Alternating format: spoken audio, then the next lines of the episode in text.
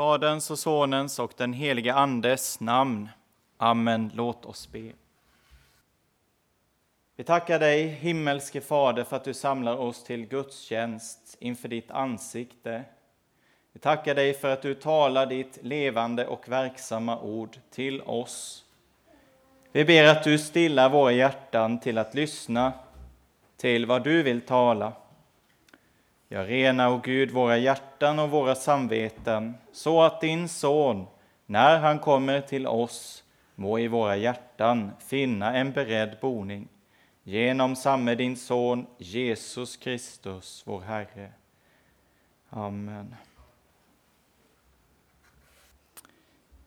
I dagens eh, textläsningar hör vi från eh, Hesekiels bok. Eh, de ska inte mer vara två folk och inte mer vara delade i två riken. Och i episteltexten hör vi genom honom har vi båda i en och samma ande tillträde till Fadern. Rubriken för denna söndag är Enheten i Kristus. Och det är en hemlighet som aposteln talar om i Efesierbrevet, Kristi hemlighet. En fantastisk verklighet att hedningarna, alltså vi som inte hör till Israel, i Kristus Jesus och genom hans evangelium får vara medarvingar, tillhöra samma kropp och ha del i samma löfte. Och som vi hör, i en och samma ande har vi alla tillträde till Fadern. Som Rosenius skriver, Guds barn jag är. Med häpnad jag ännu det säger. Guds barn jag är, och Gud, är det sanning som jag säger? Ja, Gud, du ju själv så det säger. Ofattbart att få vara Guds barn.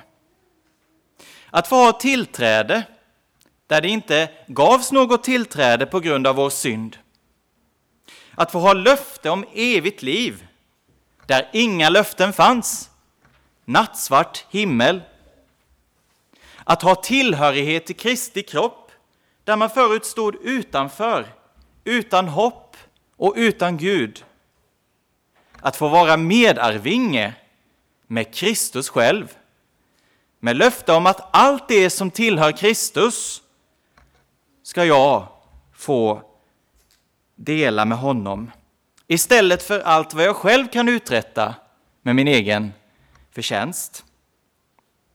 Ja, vilket privilegium vi får samlas inför denna söndag att av bara nåd blodet på Golgata kors renar oss. Jag behöver inte längre gå i slaveri utan får istället vandra fri inför Gud i hans ansiktes ljus. Hur har detta skett? Jo, jag har kommit nära genom Kristi blod och är nu medborgare tillsammans med de heliga och tillhör Guds familj. Och det är en fast grund som jag står på, apostlarnas och profeternas grund, där hörnstenen är Kristus, Jesus själv. I Apostlagärningarna 10 står det att om Jesus vittnar alla profeterna i hela Gamla testamentet att var och en som tror på honom ska få syndernas förlåtelse genom hans namn. Allt i Bibeln, alla profeter vittnar om Kristus, att syndernas förlåtelse finns i honom. Och vilken glädje då att få samlas till gudstjänst i Jesu namn, i det namnet som talar om syndernas förlåtelse. Och då måste vi också säga att nu är det så både för den som är nära och för den som är långt bort, att av naturen har ingen av oss tillträde till Fadern. Det ska också sägas. Och vi har inte heller den frid som aposteln talar om.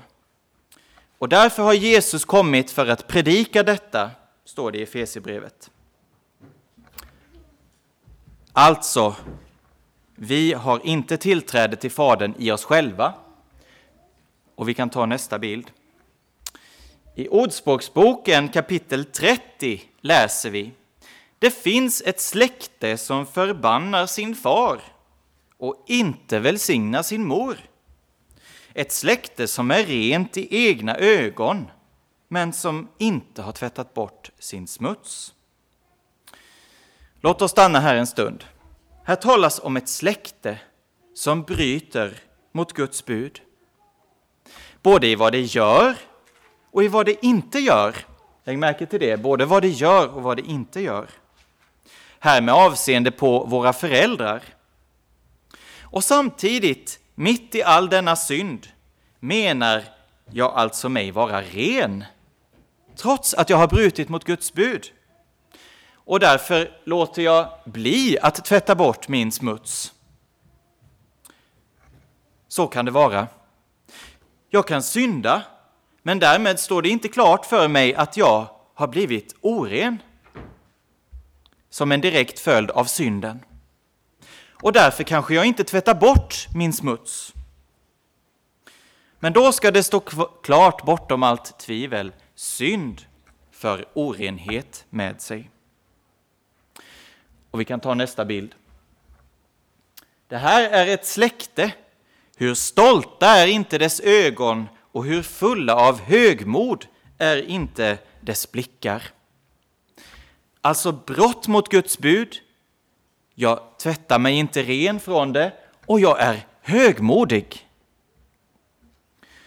Är inte det högmod att vilja mena att jag är ren när jag inte är det? Att göra synd och samtidigt inte söka förlåtelse för den, det är högmod. Och det här är inte ett släkte som ligger långt bort ifrån oss. Det är ett släkte som vi alla tillhör.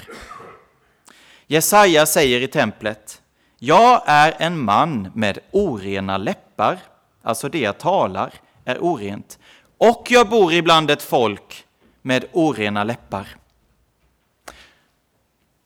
Jag hör alltså till detta släkte med stolta ögon. Och vi hör Jesus säga, var och en som upphöjer sig ska bli förödmjukad. Och det kommer vi höra mer om i dagens evangelium. Martin Luther skriver det här citatet som jag har skrivit här vid sidan. Då inget annat än nåd gäller hos honom är det omöjligt att någon verkligen kan berömma sig och vara stolt inför Gud. Av sig själva har de inget annat än synd. Då ska ingen förhäva sig över den andre utan ödmjuka sig och frukta. För vad som är gott som finns är allt Guds, vår Herres gåva. Han ska prisas för detta, men inte du. Du ska bruka det med tacksägelse och i Guds fruktan, för han kan inte fördra stolthet och övermod. Kristus har kommit och predikat frid för dig, du stolte, som utan honom aldrig kan bli ren. Och tänk att vi idag får ha tillträde till Fadern genom honom och genom hans blod. På detta löfte vill vi nu be och bekänna vår synd.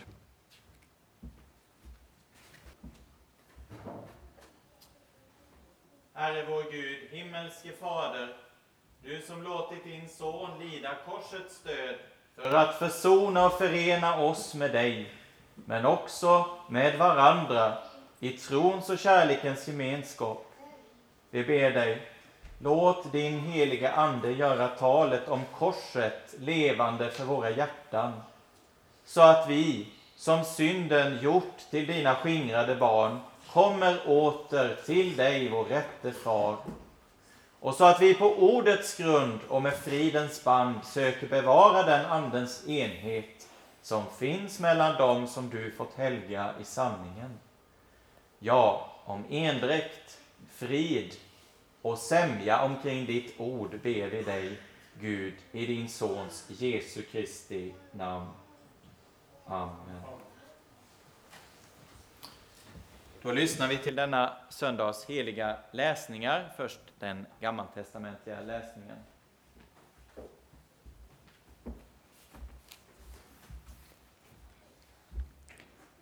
Herrens ord kom till mig. Människobarn, ta en trästav och skriv på den, för Juda och Israels barn, hans medbröder. Ta sedan en annan trästav och skriv på den, för Josef, en trästav för Efraim och alla av Israels hus, hans medbröder.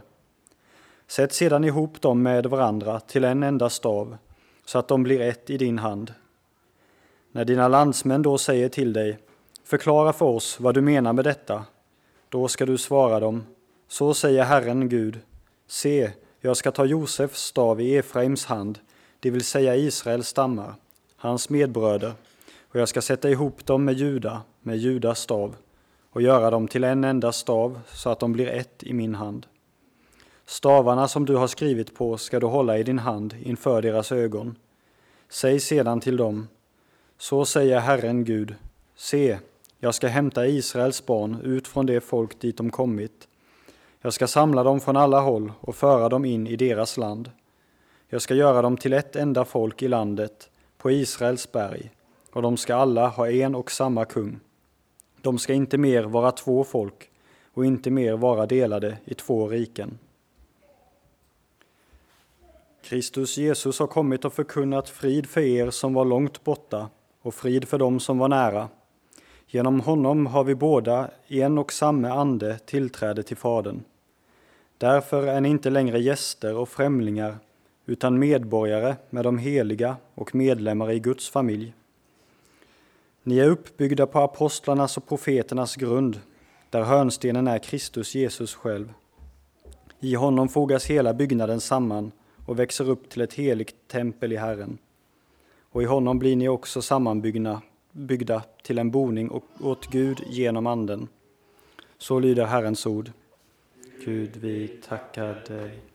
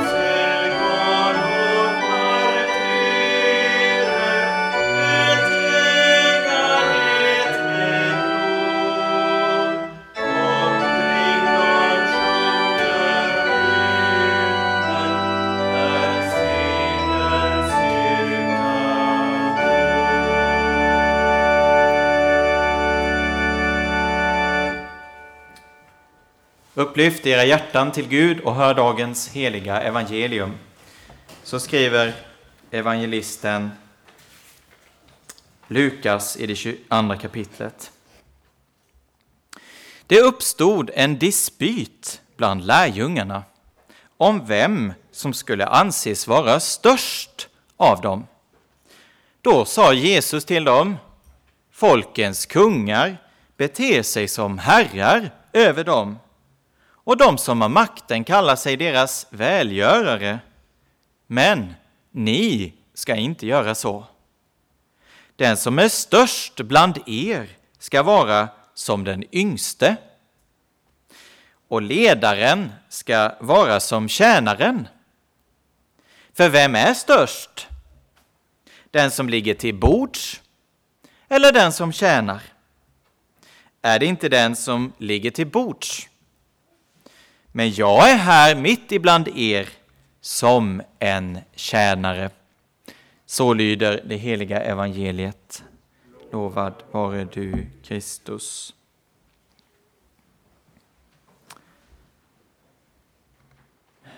Käre Jesus, vi ber dig att du talar till oss och hjälper oss att se att du är vår store tjänare som har gett ditt liv för oss, för att vi ska få äga evigt liv i dig. Herre, har du bordssamtal med oss om det som du behöver tala med oss om denna stund? Det ber vi om i ditt eget namn. Amen.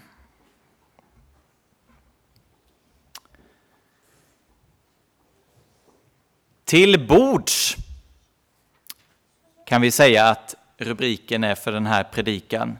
Till bords. Här ser vi ett bord. Vi vet hur det är när man ska sätta sig till bords. Det har vi alla gjort och gör säkert varje dag. Sätta oss till bords. Vi kanske hör en röst. Maten är klar! Kom nu! Så kan det vara. Den rösten känner vi igen. Jag kommer! Ja, snart i alla fall. Jag ska bara göra det här först. Nu! Kom nu! Äh, så farligt är det väl inte. Jag kan dröja lite grann. Känner vi igen det? Dessutom så kan det vara så att jag kanske inte är så sugen på att sitta till bords just nu med den eller den. Vi kanske nyss har bråkat. Gör ni det syskon? Bråkar? Någon gång? Eller så kan det vara så att vi har bråkat för ett tag sedan, men vi har liksom inte riktigt gjort upp med det där, så vi går fortfarande, åh, oh, ska jag gå och sätta mig med, med den personen? Vi kan säga att dagens evangelium är en skola i bordsskick, hur, hur det ska vara vid bordet. Det handlar om hur det bör gå till där, men inte bara när vi sitter vid bordet, utan också när vi lämnar bordet. Framförallt handlar det om vem han är som har bjudit oss till bords. Vem är han? Ja, var och en som har en familj vet vad det innebär.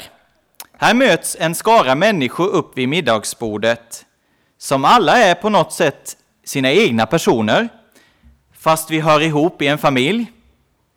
Eh, men just eftersom vi är lite olika så kan det lätt knaka lite i fogarna.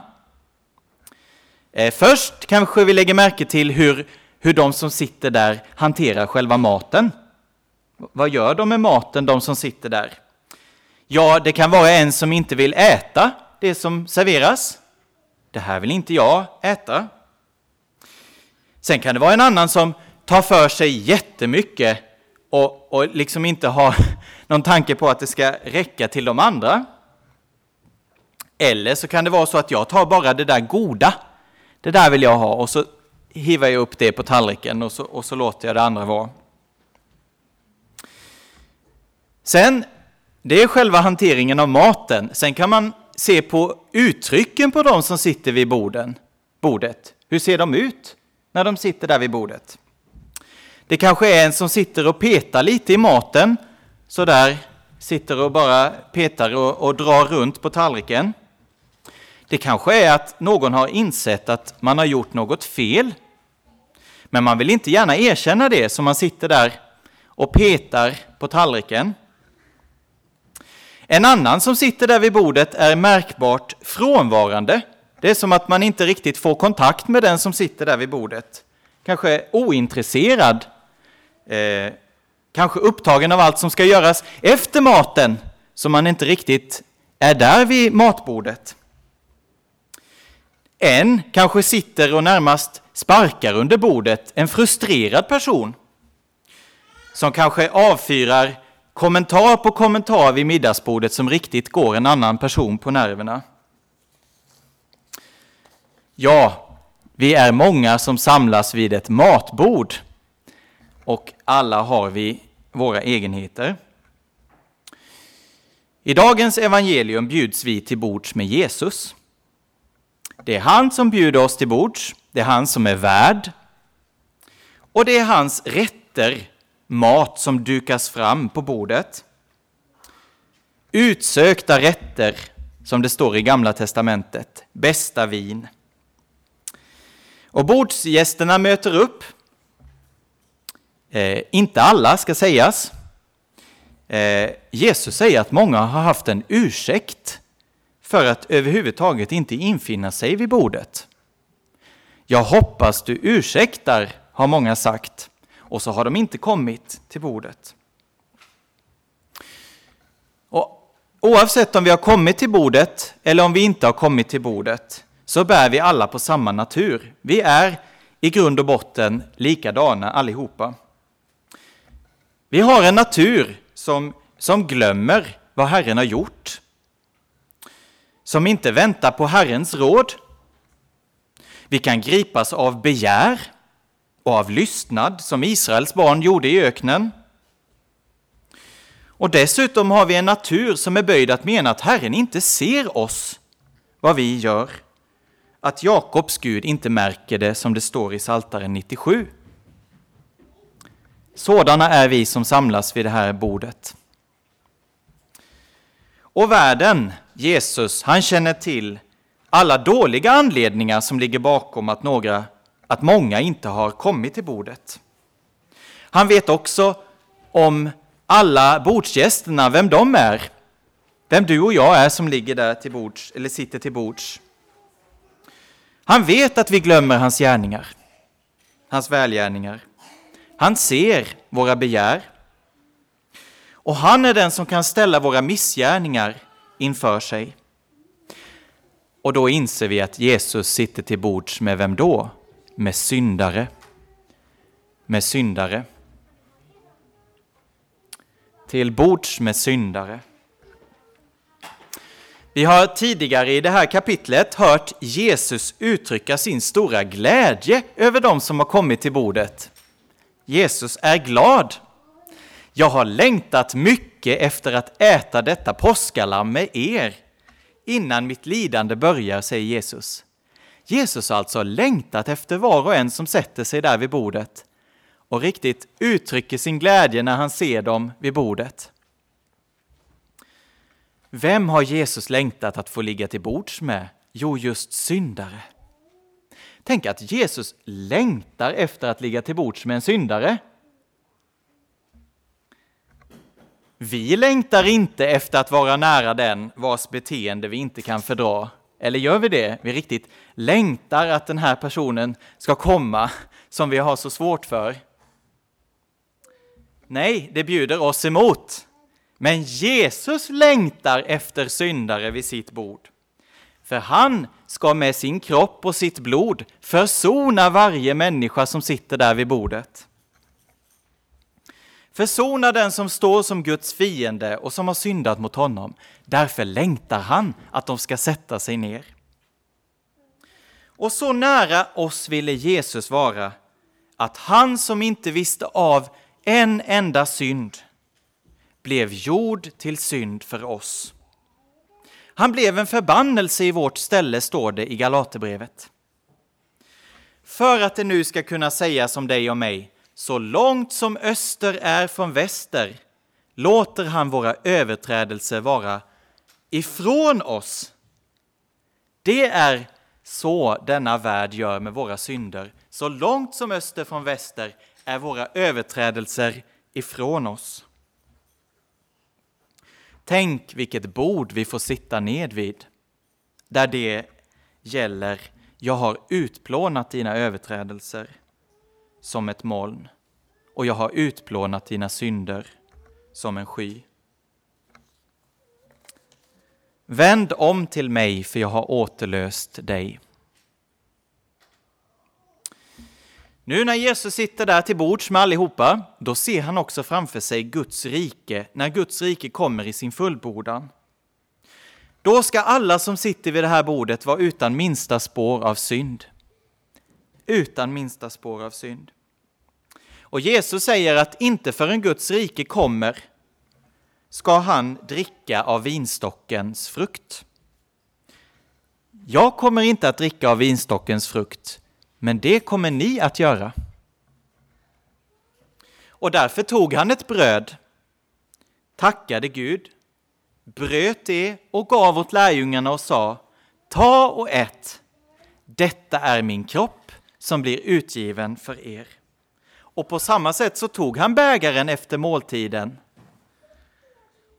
och sade Denna bägare är det nya förbundet i mitt blod som utgjuts för er.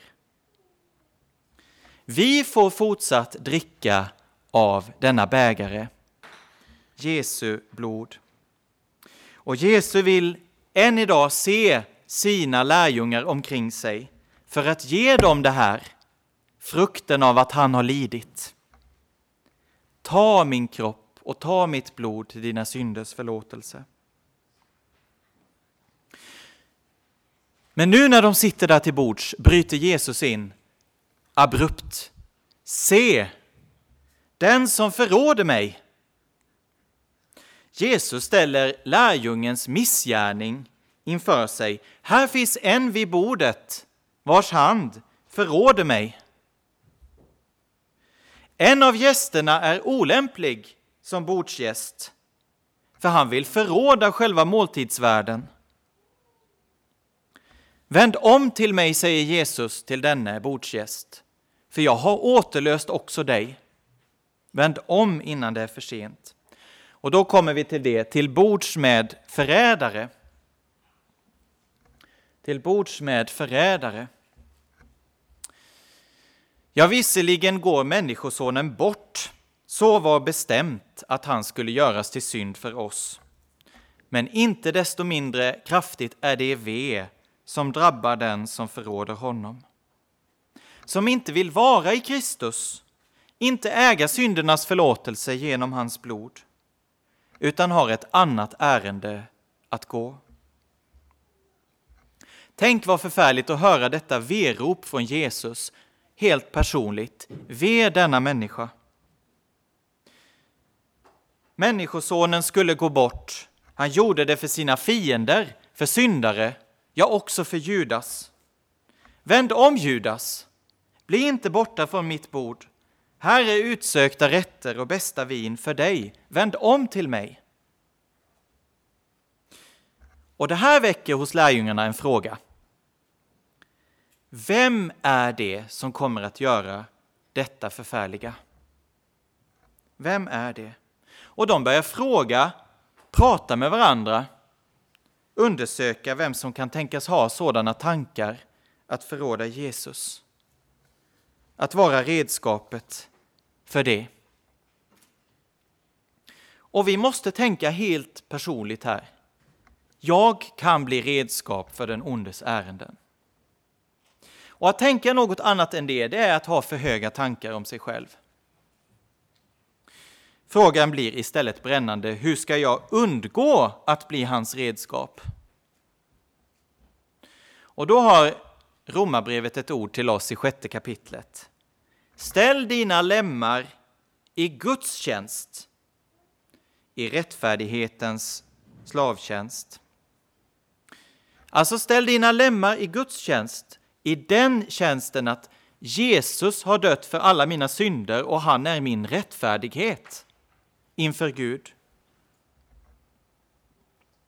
Och då vill jag stanna inför tre uttryck i Jesaja 44 som handlar om detta med att ställa sina lemmar i Guds tjänst. För där hör vi det här bibelordet citeras. Då ska en säga, jag tillhör Herren. En annan åberopar Jakobs namn. En tredje ska skriva på sin hand Herrens egen och bruka Israel som ett ärenamn. Lägger ni märke till det? En säger ”Jag tillhör Herren”. En annan skriver på sin hand ”Jag är Herrens egen”.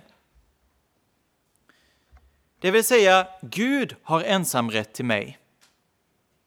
Det är inte längre jag själv som lever, utan Jesus, min rättfärdighet, lever i mig. Hans-Erik Nissen skriver i en andaktsbok. Idag ska du skriva på din hand. Och ni behöver inte göra det rent fysiskt, men, men skriv på din hand, jag tillhör Herren. Det betyder, du ska göra klart för dig vad din hand ska användas till. Den ska inte stå till ditt eget förfogande, utan till Herrens. Om jag nu har skrivit på min hand, jag tillhör Herren.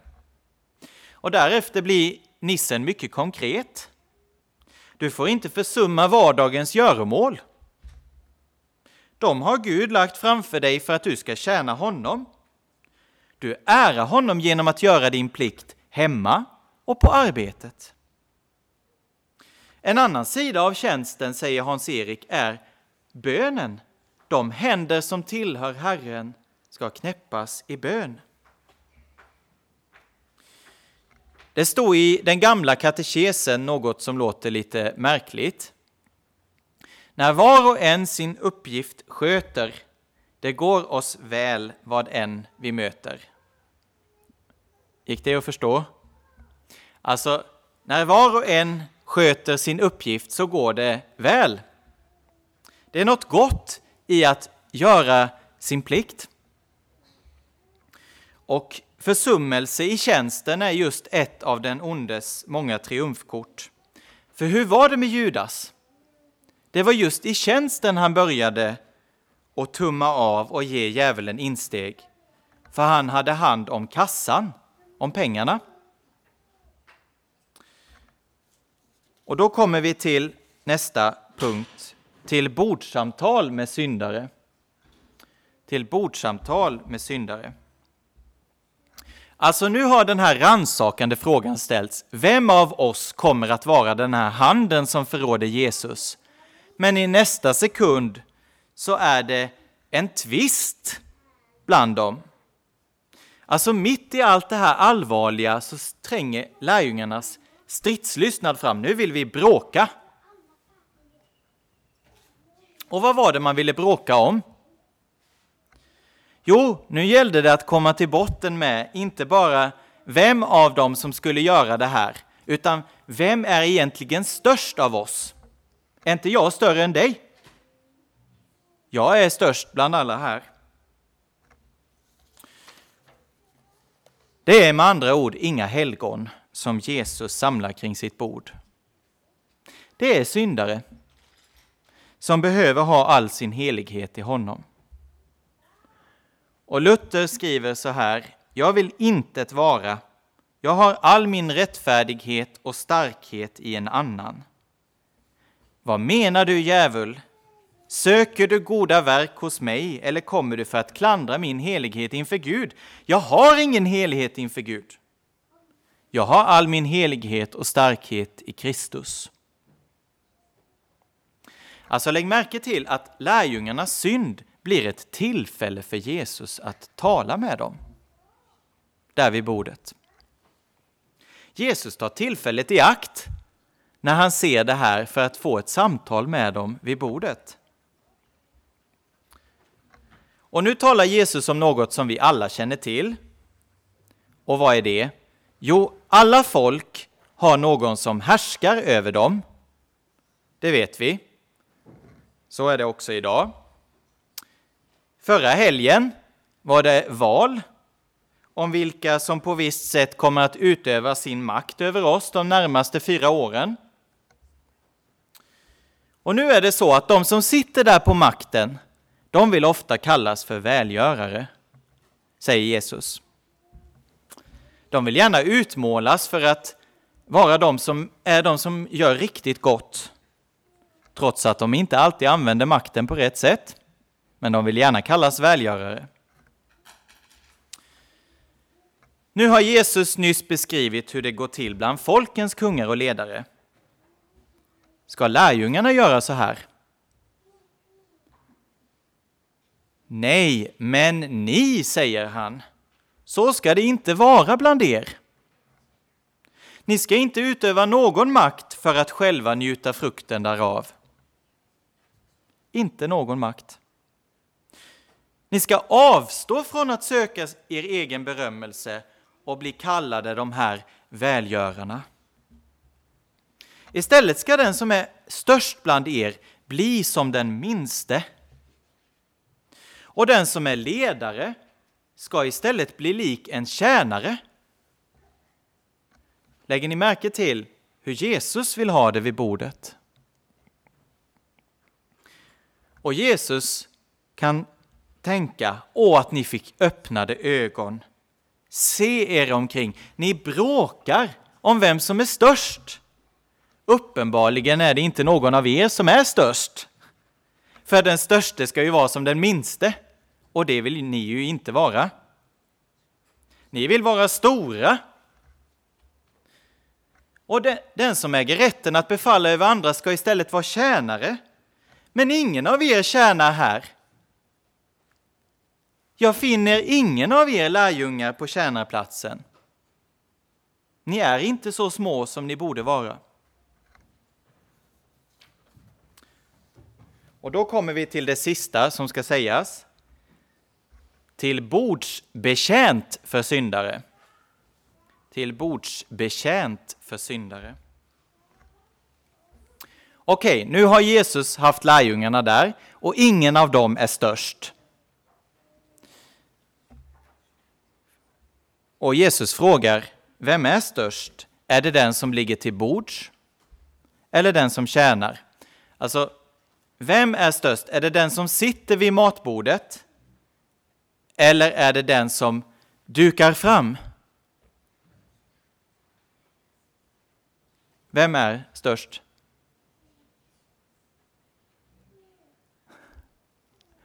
Logiskt sett. Är störst?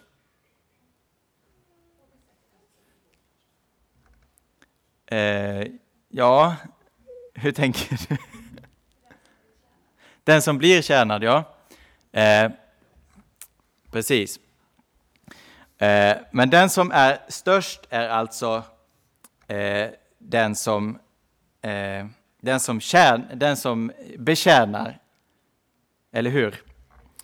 Eh, Nej. Den som sitter... Ja, precis. Precis. Tack. Eh, och då säger Jesus, ni är de som ligger till bords. Jag är här mitt ibland er syndare såsom den som tjänar er. Kan ni tänka er, jag, Guds egen enfödde son, tjänar er ovärdiga syndare. Jag blir fattig för att göra er rika. Jag blir en förbannelse för att ni ska få välsignelse. Jag utgjuter mitt dyra blod för att ni ska få syndernas förlåtelse. Syndernas förlåtelse för alla gånger som jag inte har skrivit Herrens egen på min hand, utan velat vara min egen Herre. Kanske gått den ondes ärenden. För alla gånger jag har använt min ställning för att få njuta ära och beröm istället för att tjäna utan tanke på vinning. För allt högmod som bor i mitt bröst, Jesus är din tjänare, som har gett sitt blod för dig. Vi gick alla vilse som får, var och en gick sin egen väg men all vår skuld la Herren på honom. Det var våra smärtor han tog på sig. Han var genomborrad för våra överträdelsers skull. Straffet var lagt på honom och genom hans sår är vi helade. Ja, tack käre Jesus att du är en sådan tjänare. Du den störste, den skönaste bland människors barn. Och evigt tack för att jag, syndare, får vara din. Amen. Ära vare Fadern och Sonen och den helige Ande, så som det var av begynnelsen, så är och skall vara, från evighet till evighet. Amen. Lovad vare Gud och välsignad i evighet, som med sitt ord tröstar, lär, förmanar och varnar oss.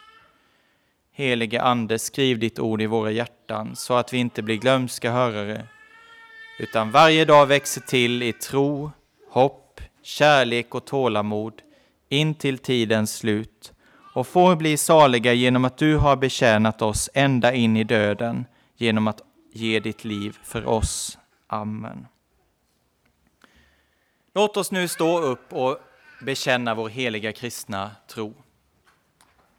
Vi tror på Gud Fader allsmäktig, himmelens och jordens skapare. Vi tror och på Jesus Kristus, hans enfödde Son, vår Herre, vilken är avlad av den helige Ande, född av jungfrun Maria, pinad under Pontius Pilatus, korsfäst, död och begraven, nederstigen till dödsriket, på tredje dagen uppstånden igen ifrån de döda, uppstigen till himmelen, sittande på allsmäktig Gud Faders högra sida, därifrån igenkommande till att döma levande och döda. Vi tror och på den helige Ande, en helig allmännelig kyrka, det heliga samfund, syndernas förlåtelse, de dödas uppståndelse och ett evigt liv. Amen.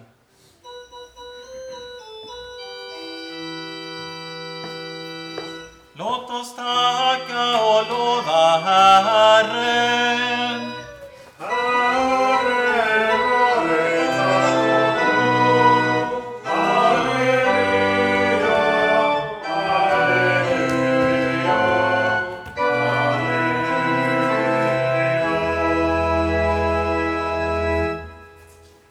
Emot Herrens välsignelse. Herren välsigne er och bevare er. Herren låter sitt ansikte lysa över er och vare er nådig.